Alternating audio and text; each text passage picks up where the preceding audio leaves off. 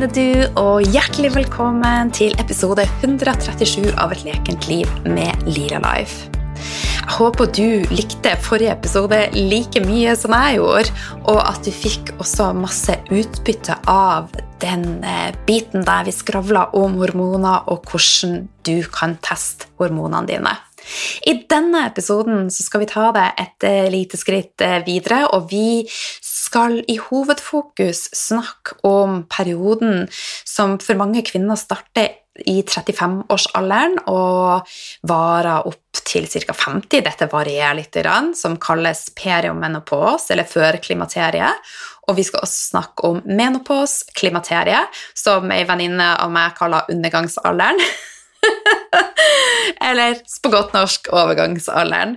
Og eh, vi prata også om eh, det med progesteron og østrogen.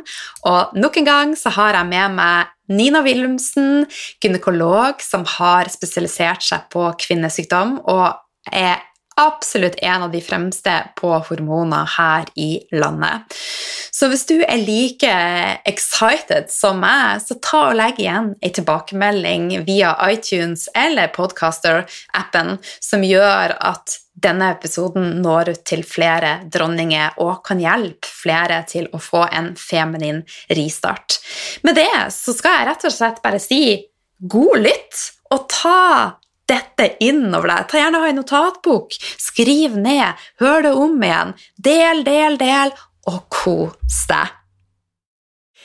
Du, nå er vi så heldige å ha hun Nina Wilhelmsen med oss på en ny episode. Og vi skal fortsette å prate om eh, hormoner. Og livet er en syklus, og vi damer vi lever også i vår egen feminine syklus. Og alle damer går vi gjennom forskjellige faser, og vi har, eh, ja, vi har forskjellige faser. Og så er det jo noen faser som er mer utfordrende enn andre, og mange opplever bl.a. at periomenopos og menopos er ekstra utfordrende. Så det skal vi prate om nå, Nina. Kan du aller først, Nina, bare forklare hva periomenopos er, og hva som skjer fysiologisk i kroppen? Det kan jeg, og perimenopausen er lite omtalt Eh, og lite snakket om.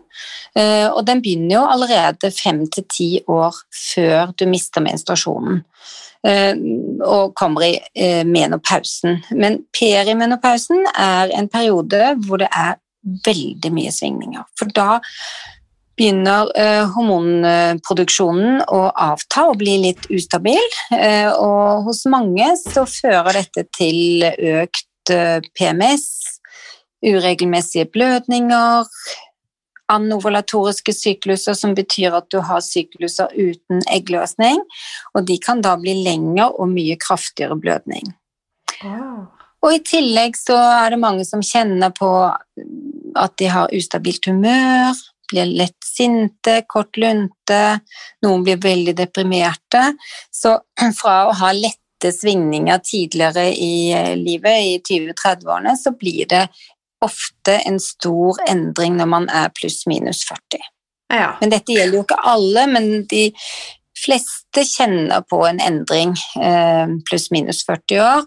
Eh, og det som er litt leit, er at det blir ofte verre helt til du er ferdig med eh, menstruasjonene.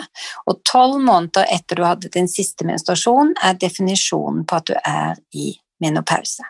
Skjønner. Eh, Dette er en lang og vanskelig reise for mange kvinner som gjerne er på toppen eller på vei til toppen i karrieren sin, eh, har etter hvert gamle foreldre og ungdommer i huset, så det er en vanskelig balansegang. Hvordan oppdager man at det har starta? Du har jo sagt litt, men hva skal vi være på utkikk etter? Nei, det er, det er, kraftigere menstruasjoner, uregelmessige menstruasjoner, PMS, mer eh, oppblåst mage i forbindelse med eggløsning eller rett før mens, eh, humørsvingninger, problemer med søvn, mm. mer trøtt. Mange blir veldig trøtte, mister litt overskudd til sex pga. at hormonene svikter. Ja. Men ikke helt. De, de, gir fortsatt blødninger, men det er eh, varierende eh, produksjon av eh, hormoner i denne perioden. Skjønner. Jeg er jo 45, og eh, jeg var faktisk til gynekolog i dag. Eh, og eggproduksjon og sånn er jo helt intakt. Men det jeg sjøl mm. merka det på, er at syklusen min er blitt kortere, så det tar jeg som et tegn på at jeg er starta min periomenopause, at den er ja, rett og slett kommet i gang. Og dette skjedde jo kanskje for ett eller to år siden. Så fra 27 til 28 dager så er jeg nede i 21-22 dager. Er det ja, det er ganske kort. Ja. Eh, det er en kort syklus, og det som skjer, er at det er eh, enten ingen eh, eggløsning, så det blir ikke noe progesteronproduksjon, og da får du kortere syklus. Eller at du har bare lavere progesteronnivå i forhold til østrogenet. Østrogenet blir gjerne høyere i forhold til østrogen. Nei, progesteron. Så det, denne ubalansen gjør jo at du får mange av de symptomene som jeg snakket om. Mm, så progesterontilskudd eh, i denne fasen er veldig avgjørende. Mm. Da får du søvn tilbake, du kan få litt lengre syklus, eh, og du får ikke så mye eh, hormonell ubalanse. Og progesteron er det hormonet som er med i en vanlig menstruasjonssyklus og produseres da av en eggløsning. Det produseres i det gule legemet, sånn at man får nok progesteron til å beholde et eventuelt foster. Da. Men ikke, vi blir jo ikke gravide hele tiden, men kroppen er innstilt på å lage en graviditet hver gang. Jeg skjønner. Men, eh, men sånn, i forhold til progesteron, jeg må bare spørre et spørsmål. Du sier at eh, jeg kan ta det, men kan jeg ta eh, begynne med det før man har tatt Dutch-testen, f.eks., som vi snakka om i forrige episode? Eh, ja, altså du kan eh, ta det uansett, for det, det hjelper jo på bedre søvn. og Det skal sies det at progesteron er jo omtalt som the feel good hormone. Ah. Det er det som Når man er yngre og har eggløsning, så er man jo på toppen av, av skalaen i, akkurat når eggløsningen kommer, pga. frigjøringen av progesteron. Så, så, det er et veldig eh, viktig hormon for eh, humør, og at man ikke blir så nedstemt og kortlunte. Eh, og det har også en interaksjon med noe som heter GABA, sånn at du blir roligere av det. Du blir ikke så giret uh, når du tar progesteron. Mm. Har du noe merke du anbefaler på eh, progesteronkrem, da? Som er tilgjengelig? Eh, ja, jeg pleier å forskrive på resept. Ja, så dette får man ikke tak i uten å få det på resept? Man kan få tak i det på iHerb og i noen, eh, noen helsebutikker, men det er jo ikke gode tester på det. Så, så det, det, jeg gjør som lege, da, det er jo at jeg skriver resept på progesteronkrem 1,7 eh, og da kan de hente ned den resepten eh, der de vil, og så få tilsendt den kremen. Da. Men det er kostbart, for det er magistrell forskrivning. Så det, de står på Ullevål apotek og lager dette. Ja, men det er jo Hva du si? Det er ikke noe legemiddelfirma som selger progesteronkrem i Norge. Mens den mikroniserte progesteronkapselen som jeg snakket om, som jeg gir til de over 7-38 år, den eh, kan brukes både vaginalt og svelges. Ja. Du får litt høyere eh, effekt av den hvis du tar den i skjeden, men mange syns det er litt ubehagelig, for den løser seg jo opp og kan gi litt blødning. Så de fleste bruker det oralt, altså i munnen, og svelger det. Og der kan man bruke én, to eller tre, litt avhengig av hvor mye problemer man har. Kan du, kan du foretrekke krem eller de her kapslene som du prata om? Det er avhengig av alder. Ja. Altså, kremen er for de som har PMS når de er yngre, ikke sant, og mm. har en del uh, utfordringer med syklusen, så, så bruker jeg gjerne progesteronkrem. Men progesteron må alltid brukes på kvelden, for du blir trøtt av det. Ja, ok. Mm. Og eh, pluss minus 40 så, så, bruker jeg kapsler som heter Utrogest. Eh, de er kommet i 200 mg, det er for mye. Og de, den indikasjonen på den på 200 mg er kun for de som uh, skal ha progesteronstøtte i graviditet. Det, vi kan ikke skrive ut den på noen annen indikasjon. Sånn at derfor bruker jeg de på registreringsfritak på 100 milligram. Mm, skjønner. Det blir litt dyrt, men det gir mye bedre livskvalitet. Så jeg har veldig mange pasienter på det. Ja. Men du, denne fasen, også periomenopause, den varer jo veldig forskjellig fra dame til dame. Hvorfor er det så store forskjeller? Det er jo fordi vi er så forskjellige. Ja. Så har du en, en kvinne som trener, lever regelmessig, har moderat med stress og spiser sunt, så har hun mye, mye mindre eh, perimenopauseplager enn en som ikke tar så godt vare på seg selv, da. Ja. Og så kan det også henge sammen med genetiske ting. Hvis mor hadde mye plager og mye høyt østrogen, så får gjerne datteren det også. Så det er ikke bare livsstil.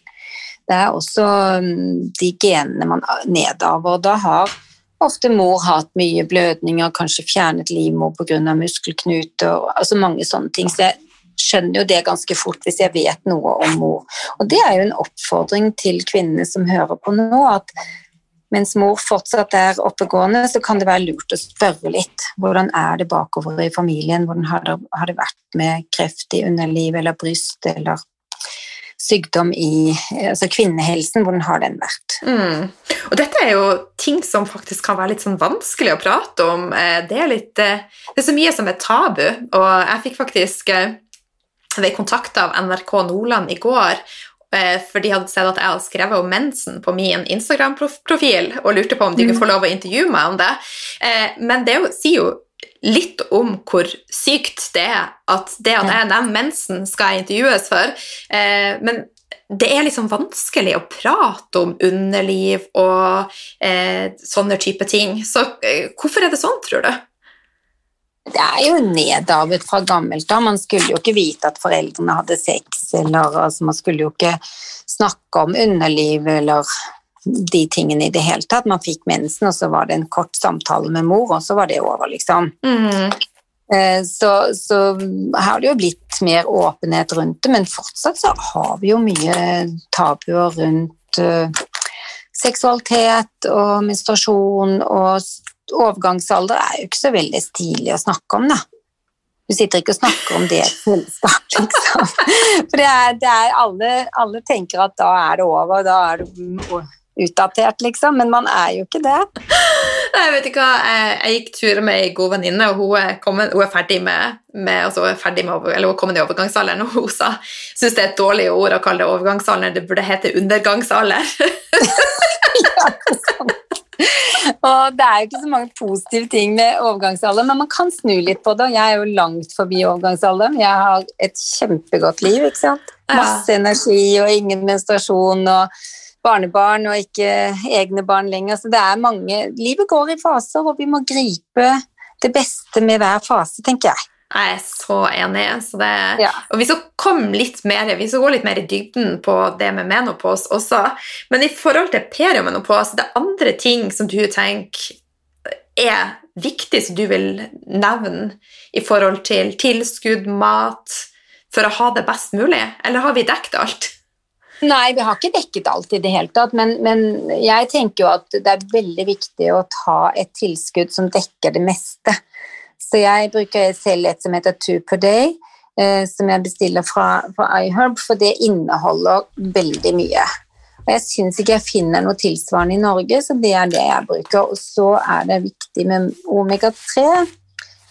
Eh, og, og B-vitaminer er helt essensielt for kvinner. Så der anbefaler jeg noe som heter Omni B Aktiv, som er vegansk, og som inneholder den metylerte formen av B-vitaminer, som er den beste for oss. Sånn at man ikke får hodepine eller andre bivirkninger av, av det. Og det inneholder også B6, som gjør at uh, man ikke blir nedstemt eller deprimert. Da. Den er også fra iHerb? Nei, nei, Omni B Aktiv får du på, på Sunnkost og andre helsekostbutikker. Mm. Og så bruker vi jo også D-vitamin og anbefaler det i alle måneder med RI. Når det ikke vi får for lite sol i Norge, og vi ligger på verdenstoppen i benskjørhet og D-vitaminmangel. Ja. Jeg anbefaler også mange som har problemer med, med vekt og ustabilt blodsukker, og bruke metformin. Ja, metformin. Metformin er også nevnt i den store artikkelen jeg fortalte om i sted, for den eh, gir også en mye bedre eh, tarm, og den påvirker positivt på mikrobiomet. Hva den består av, den, da? Det er vi litt usikre på, for den har vært forsket på fra 60-tallet. Det er jo egentlig en diabetesmedisin, men den er nå mer og mer anbefalt som anti-aging. At man lever lenger og bedre med et stabilt blodsukker.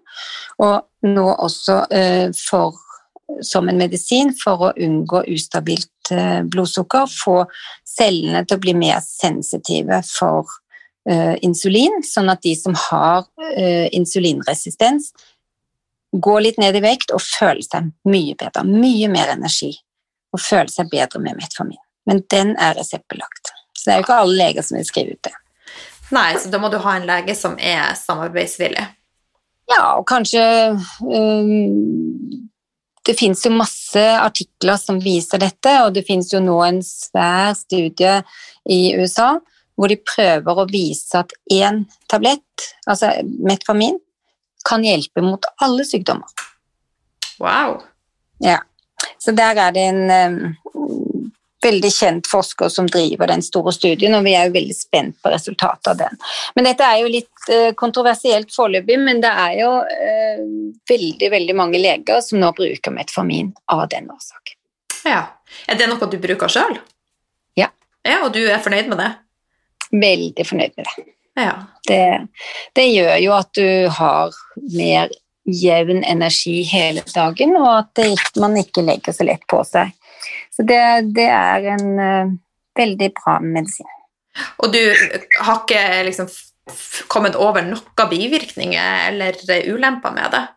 Det kan jo være med bivirkninger med alle medisiner, også Paracet. Så, så, sånn er det jo også med metformin. Så det, det, er, det vanskelige med metformin er at man får en, en øh, Når man starter med det, så må man starte litt langsomt, for det gir en, en øh, oppblåst mage og litt øh, løs mage i starten. Og det er jo den virkningen på mikrobiomet i tarm.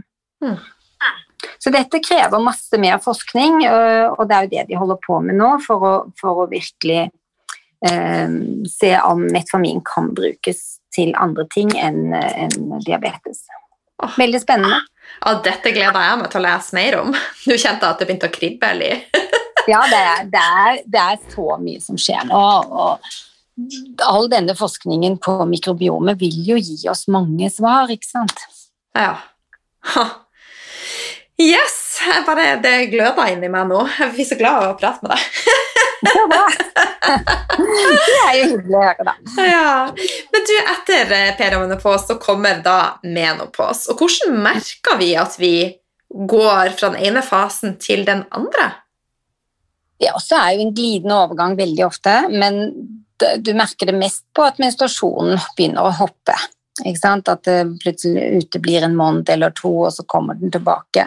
Så det er veldig få som bare slutter å blø, og så er det ingen symptomer. Men eh, man merker det på litt nattesvette eh, og hetetokter på dagen. Man kan merke det på at man ikke orker så mye som før. Og mange kvinner merker det på søvnen. Sov dårligere? At de både sover litt lettere, men også at de våkner og er lys våkne i alt fra tre til fem om morgenen. Oh yeah! ja, så det, det, er viktig å kjenne søvnen sin, og tilbake til Ora-ringen, så er jo den veldig fin eh, et fint instrument for å måle alle fasene av søvn. Eller man kan gjøre det med en smarttelefon eller andre Fitbit eller Ja, det er mange sånne devices. Eh, så, så, søvn er veldig viktig for oss. Får vi mindre enn syv timer søvn over litt tid, så blir vi jo veldig eh, påvirket av det, de fleste av oss. Mm. Altså når vi sover, det er jo da vi regenereres. Også. Det, det skjer jo faktisk en detox i søvn. Det er jo helt fascinerende. Ja, det er det. Og ikke minst hjernen. Og hjernen er jo plastisk, så den lar seg påvirke. Men det er jo den største utfordringen, tenker jeg, med eh, menopausen. At eh, de fleste får for lave østrogennivåer til å opprettholde en god hukommelse. Så mange begynner å få eh, problemer med å huske koder, huske navn, eh, og det går på det kognitive å komme i overgangsalderen. Og akkurat, jeg har akkurat lest en bok nå som heter The XX Brain. Og Det er første gang det har kommet en, en bok, og hun har forsket mye på kvinnens eh, hjernehelse, og den er vi for lite opptatt av. Det begynner å komme, men hun er helt klar på at alle kvinner trenger litt tilskudd av østrogen, og helst eh, bioidentisk østrogen, på huden eh, for å opprettholde en, en normal hjernefunksjon og ikke få disse senior moments, som de kaller det i USA, at du plutselig sitter og snakker om noe, så husker du ikke det ordet. Mm. Og det tror, det tror, jeg mange unge også opplever pga. at de er så stressa. Det kan komme av stress, og aller mest en, en dårlig tarm. Dårlig tarm. Har du en dysbiose i tarm, så får du jo brain fog og um, alle disse tingene at du ikke husker så godt, klarer ikke å følge med så godt. Vanskelig å lese lange tekst, så du må begynne på nytt igjen, for du faller ut. ikke sant? Mm. Men det kan jo være litt vanskelig å forstå, for vi har jo prata mye om at det er lett å få ei opphopning av østrogen, og så kommer vi plutselig til overgangsalderen, og så har vi for lite. Hva er det som skjer her, da? Det som skjer, er jo at det stopper å produseres i, i eggstokkene. Mm. Eh, sånn at er du slank eller normal, så har du jo lite eh, egenproduksjon av østrogen som kun foregår i fettvevet. Men er du overvektig, så har du mer risiko for brystkreft, endometriehyperplasi og alt det jeg snakket om i sted, eh, fordi at det fortsatt produseres endogent østrogen pga. Eh, mye fettvev. Ja. Så det, vi kan ikke snakke generelt, for eh, de aller tynneste kvinnene har jo størst problem. Og hvis du bare ser litt ut på gaten, så ser du jo mange litt eh, undervektige kvinner som har veldig mye rynker, for de har ikke noe subkutant fett. Og de har jo større risiko for alt fra benskjørhet til eh, Alzheimer og kognitiv svikt, da, fordi at de har så lite østrogen. Så det er lurt å ha litt på kroppen når vi er i peramenopause og menopause og ikke er skraptynn? Det er faktisk kommet flere studier på det, at det er bedre å være fem til syv kilo mer enn en, uh, gjennomsnittet for å ha det, akkurat det depotet som vi nå snakket om. Og jeg kjenner jeg danser innvendig, for at jeg tror det er så mange damer og jenter som bare har så lyst å bare faktisk finne seg til rette med å være de fem kilo pluss, som vi ofte er, og som er bare tull at vi skal hele tida gå ned de siste fem kiloene. Men vi er jo så ja, ja, ja. opptatt av at vi skal ja, innfri et skjønnhetsideal, så jeg bare sier F, pikk, pikk, pikk til. Fuck you! det, det, det, er så, så, utrolig viktig at når du har snakket med et menneske i to minutter, så tenker du ikke på om hun veier fem eller ti kilo for mye eller ikke. Det er mennesket man er opptatt av. ikke sant? Og mm. alt det hysteriet med å være perfekt igjen, det, det ødelegger for så mange. Og jeg syns Gunhild Stordalen sa det veldig godt. Hun trodde hun var supersunn, for hun var tynn. Ja. Men hun var jo alt annet enn en, en supersunn, har hun innrømmet i ettertid. og det syns jeg er så flott, at sånne forbilder som henne kan gå ut og virkelig innrømme feil. Og ingen av oss er perfekte, men vi kan prøve å ta de valgene hver dag som gjør at vi har det bra. Mm. Og det er det som er viktig for oss, ikke om vi skeier ut en gang eller drikker litt mye vin en annen gang. Det viktigste er jo det man gjør hele tiden, det ikke det man gjør de gangene man velger. Det er et valg, det òg, å skeie litt ut, men, men, ikke sånn at det blir et problem helsemessig. Det er det viktigste, tenker jeg. Å ta disse riktige små valgene hele tiden. Mm. Oh. Men det er ikke lett. Det er ikke lett. Nei, det er ikke det. Så jeg tenker at det viktigste er jo at man øver og prøver og justerer og ikke er så streng med seg sjøl, og, og være litt raus også med, altså, i, med seg sjøl i denne endringa. For vi er ofte så strenge og så harde og eh, har så dømmende tanker om oss sjøl. Så eh, ja. ja, og det er, det er, ikke sunt for noen. Uh, så, så, men, men, akkurat perimenopausen, altså overgangsalderen, varer jo så lenge. Og Derfor er det viktig at vi får god kunnskap om det, og det sier alle mine pasienter at det savner de. Ja. De savner liksom god kunnskap om hva kan jeg gjøre for å unngå sånn og sånn. Og jeg bruker jo uh, en del bioidentiske hormoner til pasientene mine, mens andre ikke vil ha det. Og da må vi prøve å kompensere på andre måter for at de skal få en bedre helse i denne fasen. For det er alt fra de som uh, nesten blir arbeidsuføre, til de som ikke kjenner noen ting. Ja. Og da er det igjen de samme tiltakene. Naturlig mat, stressmestring, være i bevegelse. Ja. ja. Og da kan man jo også bruke fytoøstrogener, ikke sant. Soya og andre tilskudd som mm, femarelle osv. Det finnes jo masse helsekostprodukter som kan øke det eh, østrogennivået noe. Ja. Men det aller beste vil være bioidentisk tilskudd for de som ønsker det, da. Ja, det gir jo i hvert fall mindre bivirkninger enn en eh, det vi har brukt tidligere i tablettform, mm. fordi at det ikke gir noe påvirkning av, eh, av eh, risikoen for blodpropp. Det er fortsatt en liten, en, altså liten økning i brystkreft, men den er veldig, veldig liten i de studiene vi har tilgjengelige. Mm. Men eh, eh vi snakka om tilskudd i periomenopos, og du nevnte jo flere. Vil du anbefale de samme tilskuddene når man er kommet i menopos? Da er det jo viktig å, å få i seg nok kjolin f.eks. For, for hjernen. Ehm, det er kommet et preparat på helsekost som heter Hukommelse pluss, som kan være et fornuftig tilskudd. Eh, som, som, for jeg er opptatt av hjernehelsen, og den eh, er avhengig av en god tarm, godt kosthold, minst mulig stress eh, og nok søvn. Ja. Og det er også veldig viktig med regelmessig bevegelse. Absolutt.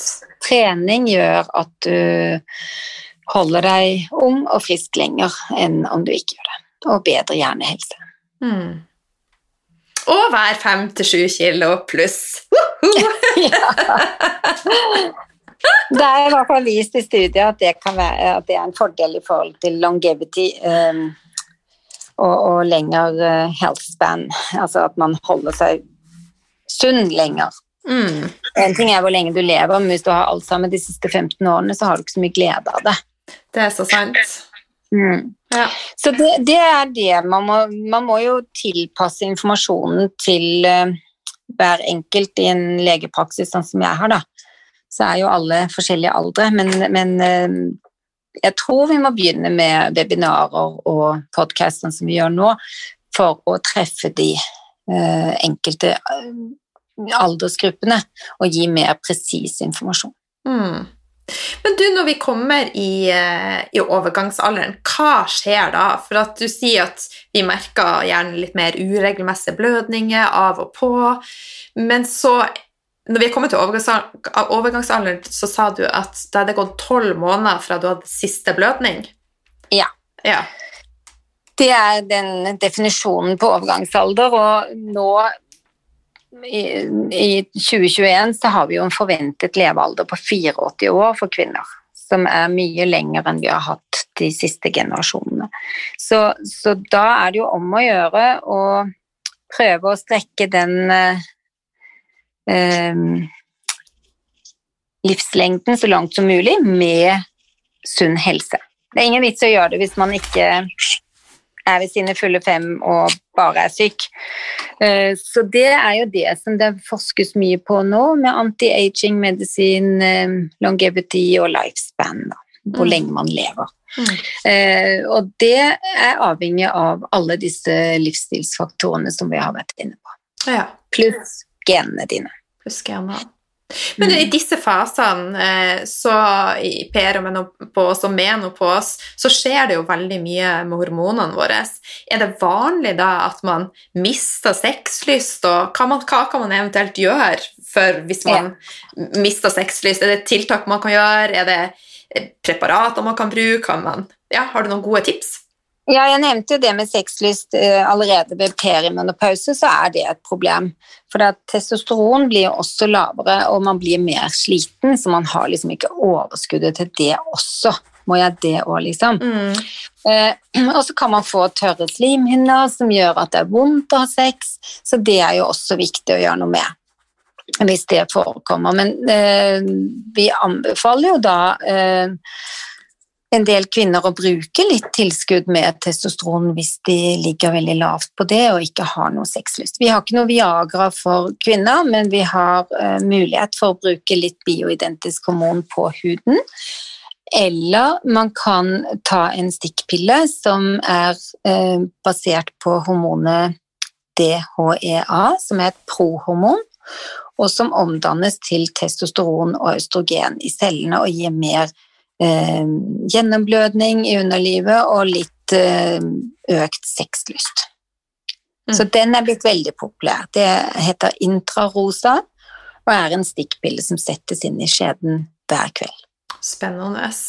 Ja, ja, så den er veldig kjærkommen. Og i USA finnes det også en, en tilsvarende krem, så den, det forventer jeg at kommer snart til Norge. Mm. Og det er så fint at det finnes noe man kan gjøre, for det er jo kjedelig hvis et sexliv skal opphøre når man er i 50-årene liksom, for at man har så mye plager. Eh, det vil man jo ikke. Det, det, er jo også viktig for alle å være litt kreative og prøve forskjellige andre ting, og ikke bare kjøre på det samme hele tiden. Det finnes jo masse seksualtekniske hjelpemidler som vi bidrar til her ved klinikken, og, og hjelpe de i gang med det. Vi har sexolog. Det er jo mye man kan gjøre for et bedre sexliv, men da må man åpne litt for det og ha en bedre dialog med partner. Mm. Det er utrolig viktig, og det står på listen min over ting jeg snakker med, med pasientene om. At man må ha det gøy her i livet, ikke bare to do list, og man må prøve å ha et godt seksualliv. Om det er med deg selv eller med en kvinnelig eller mannlig partner, det gjør ingenting, men alle har vi behov for nærhet og sex. Det er så viktig, og det tenker jeg òg at det er viktig at vi prater om, at vi åpner litt mer opp, så eh, Sex, sex, sex, sex, mensen, mensen, mensen, mensen. Helt enig. og det er jo en naturlig del av livet. Altså, det er jo sånn, altså, hvordan skal det være flaut å prate om en ting som gjorde at f.eks. jeg kom til, og du kom til? Altså, det har jo skjedd et samleie, så hvis ikke hadde det jo ikke vært mulig. Nei, ikke sant. Så, så er, vi har mange ting å jobbe med eh, når det gjelder kvinnehelse generelt.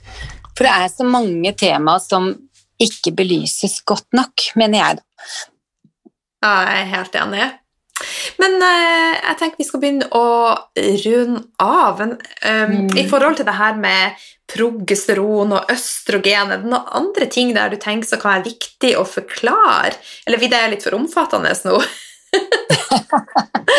um, vi har vel egentlig vært inne på mye av det, men, ja. men, uh, men uh, jeg mener jo at alle kvinner trenger en god gynekolog for å få uh, god uh, hjelp med alle disse utfordringene. Mm. Og det er altfor mange kvinner som lider i stillhet med alle disse plagene, og det er mulig å gjøre noe med det meste av det.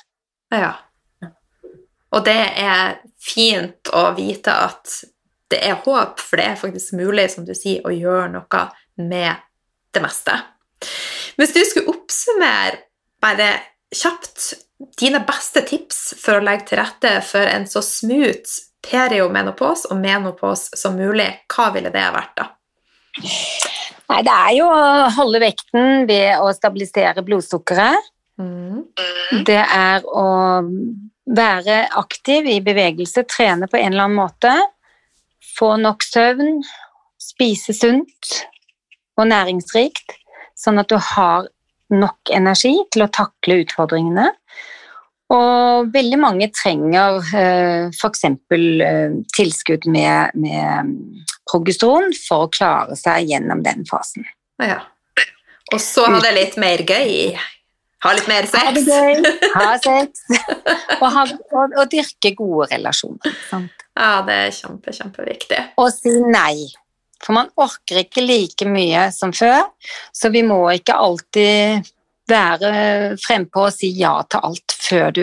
Så det er lurt å tenke seg om og si du, det må jeg tenke på til i morgen, før du tar et uh, en stor utfordring på jobben, eller du skal bake en kake til skolen til sønnen din, eller whatever, så er det viktig å vite at det kan du også stå inne for når den dagen kommer og du skal stå og gjøre det. Mm, det er så viktig. Jeg diskuterte det med ei venninne her om dagen at kanskje er det vi sett på som et litt sånn svakt ord, men jeg tenker at å si, som du sier, si kanskje istedenfor nei, ja, jeg trenger faktisk å tenke litt på det, sånn at du får gått inn i deg sjøl og kjent på er det riktig at jeg gjør det, eller er det ikke riktig.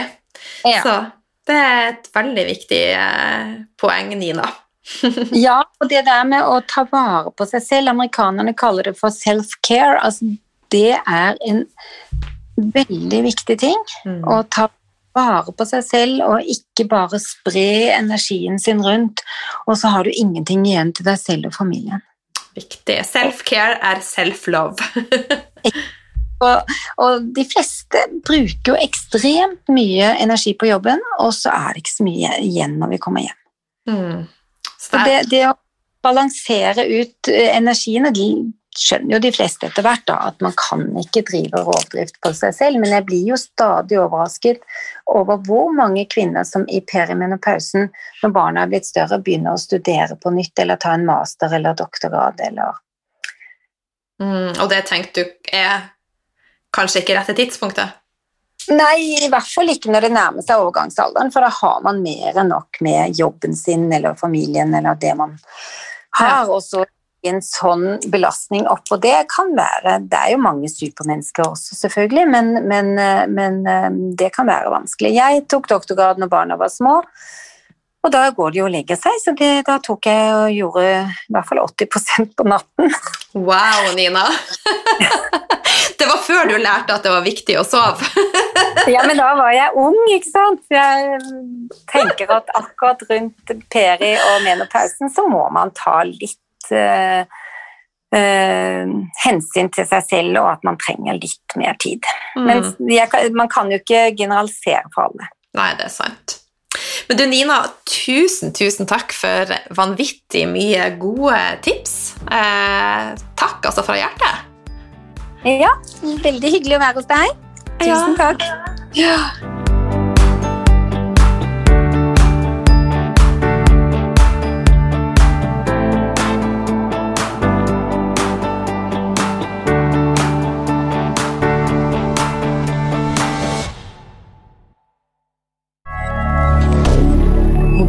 rien.